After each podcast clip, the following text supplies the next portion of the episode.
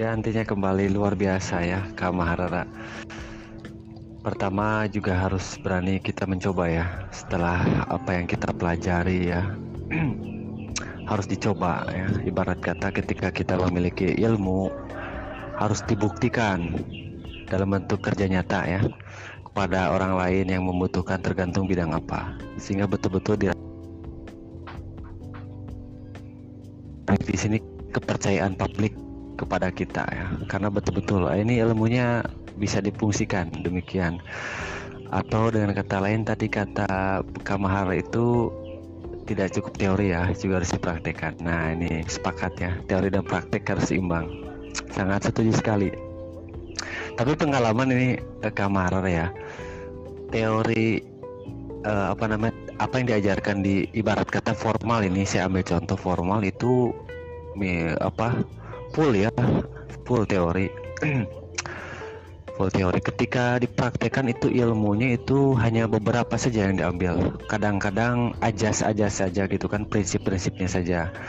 Teorinya sedikit kadang praktek itu apa namanya realita atau kenyataan itu fakta itu kadang-kadang tidak bersesuaian dengan teori. Nah ini yang menjadi apa namanya ee, berbeda ya kebalik gitu kan realitas dan kenyataan ini kan selalu berubah-ubah ya di kehidupan sosial ini. Sedangkan teori ini kadang-kadang e, normatif baku gitu ya. Nah ini jadi masalah kamar kadang-kadang pada saat praktik teori ini nggak seutuhnya dipakai ya difungsikan demikian itu. Demikian Kak Maharara. Satu pancaran lagi nih menyikapi hal demikian seperti apa gitu. Tapi kalau apa yang disampaikan Kak Mahara saya sepakat banyak hal apa namanya kan ilmu ini luas ya. Ya saya yakin kita kan ilmu sedikit-sedikit ya masing-masing gitu kan. Uh, berbagi ya berbagi satu sama lain. Tidak mungkin semua ilmu dikuasai. Itu tidak mungkin saya karena terbatas ya kita kapasitas diri kita terbatas. Seperti itu satu pancaran menuju kamar sebelum ke yang lain ya. Persiapkan juga untuk apa pendapatnya. Demikian kamar ganti Iya, tentu saja seperti itu ya Mas Diko. Seperti yang tadi saya sudah uraikan bahwasannya teori tanpa praktik adalah nothing. Nah, di dalam kita full teori seperti Mas Diko bilang tadi, namun jika tidak dipraktekkan, tidak diimplementasikan dalam kehidupan, kita tidak akan menjadi insan yang balance. Karena pada dasarnya teori itu harus disesuaikan. Disesuaikan kepada siapa kamu lagi berbicara, kepada siapa kamu lagi bergaul, kepada siapa atau di mana tempat kamu lagi bermukim sekarang. Nah, kamu full teori dengan A, B, C sampai Z gitu ya dari alfa sampai ke julu. Namun ketika kita langsung terjun, nah di, di sini kenapa bilang kita perlu untuk praktek karena tidak semuanya seperti yang Mas Diko bilang apa yang kita dapat di teori itu 100% bisa diaplikasikan ke dalam kehidupan nyata atau ke dalam kerja nyata kita gitu ya dalam praktek kita. Nah di sini diperlukan asas penyesuaian. Seperti yang Anda bilang bahwasannya subjek predikat objeknya itu harus harus dikenali terlebih dahulu. Ketika kamu berbicara dengan seseorang yang mohon maaf dalam tanda kutip knowledge-nya ini standar saja tentunya kamu menggunakan uh, tata bahasa yang mudah dimengerti orang tersebut. Namun ketika kamu bergaul dengan orang yang berkelas intelektualitasnya itu high gitu, tentunya kamu nggak perlu terlalu repot untuk memperjelas apa makna yang akan disampaikan karena orang-orang seperti itu akan cepat menangkap. Namun ketika kamu berada di bawah uh, di bertemu dengan orang yang ber yang seperti anda pada kutip tadi gitu ya atau mungkin di bawah standar dari intelektualitas seorang manusia. Nah di sini kita memerlukan uh, trik dan tips yang lebih uh, erat lagi, yang lebih kuat lagi, agar apa yang kita sampaikan berupa kata itu tersampaikan menjadi suara dan terpahami oleh orang-orang yang kita ajak untuk berdiskusi atau untuk berbicara.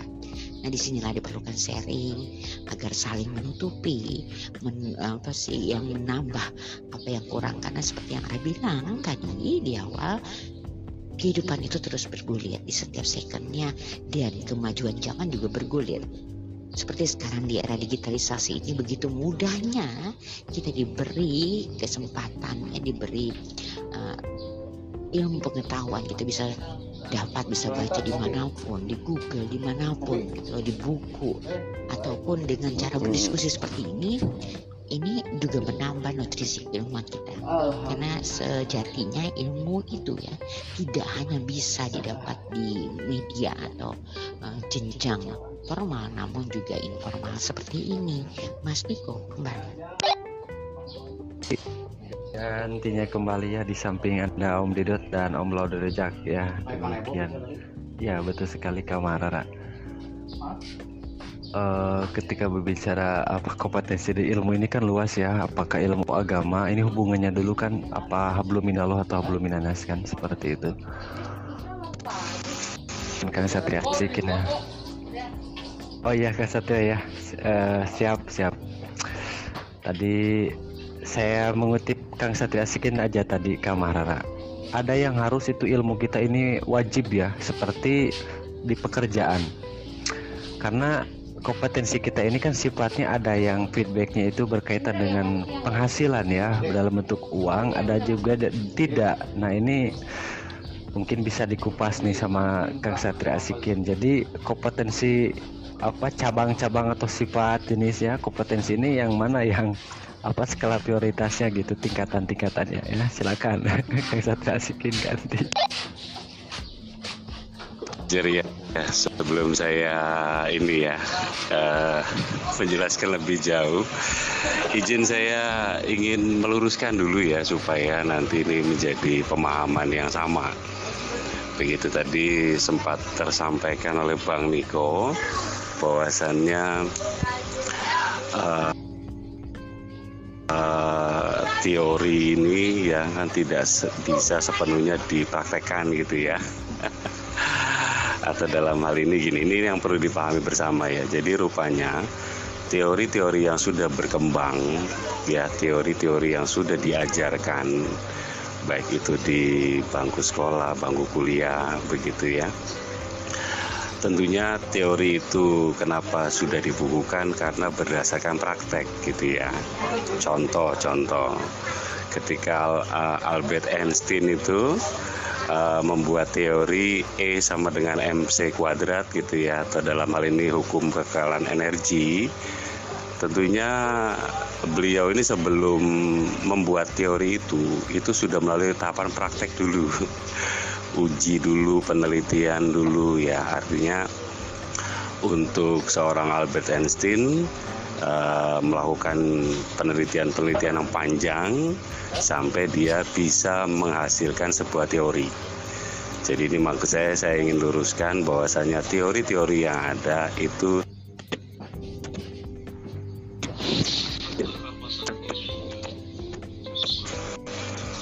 ya mungkin Bang Lodi tersentuh ya. Lalu terkait dengan ketika kita menerima teori, ya kan? Nah ini ini beda hal ya. Beda hal. Ketika teori itu disampaikan kepada kita, kita ini kan baru menerima teori. Nah ini kita memang butuh praktek, gitu kan? Gitu butuh praktek. Tetapi teori-teori yang sudah berkembang itu ingin saya luruskan itu berdasarkan uh, penelitian begitu ya.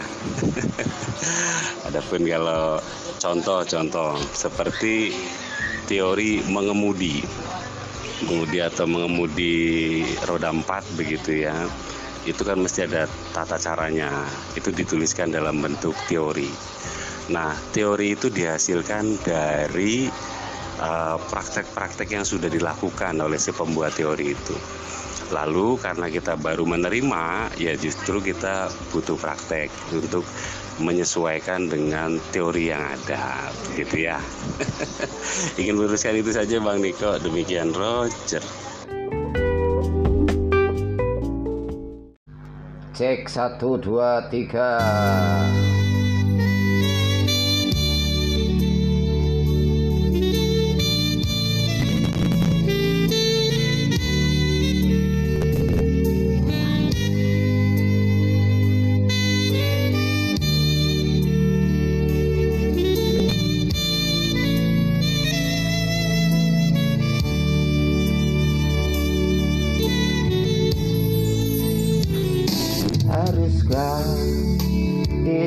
Terus begini. Dengan derita yang tiada akhir. Ke mana ke jalan yang harus ku tempuh? Agar ku bahagia. Oh, oh Tuhan Berikan petunjukmu Untukku. Jadikan pegangan hidupku. Apakah salahku dan apa dosaku? Sampai ku begini. Aku tak sanggup lagi menerima derita ini. Aku tak sanggup lagi menerima semuanya. Oh Tuhan, berilah petunjukmu Untukku. Jadikan pegangan hidupku. Apakah salahku dan apa dosaku? Sampai ku begini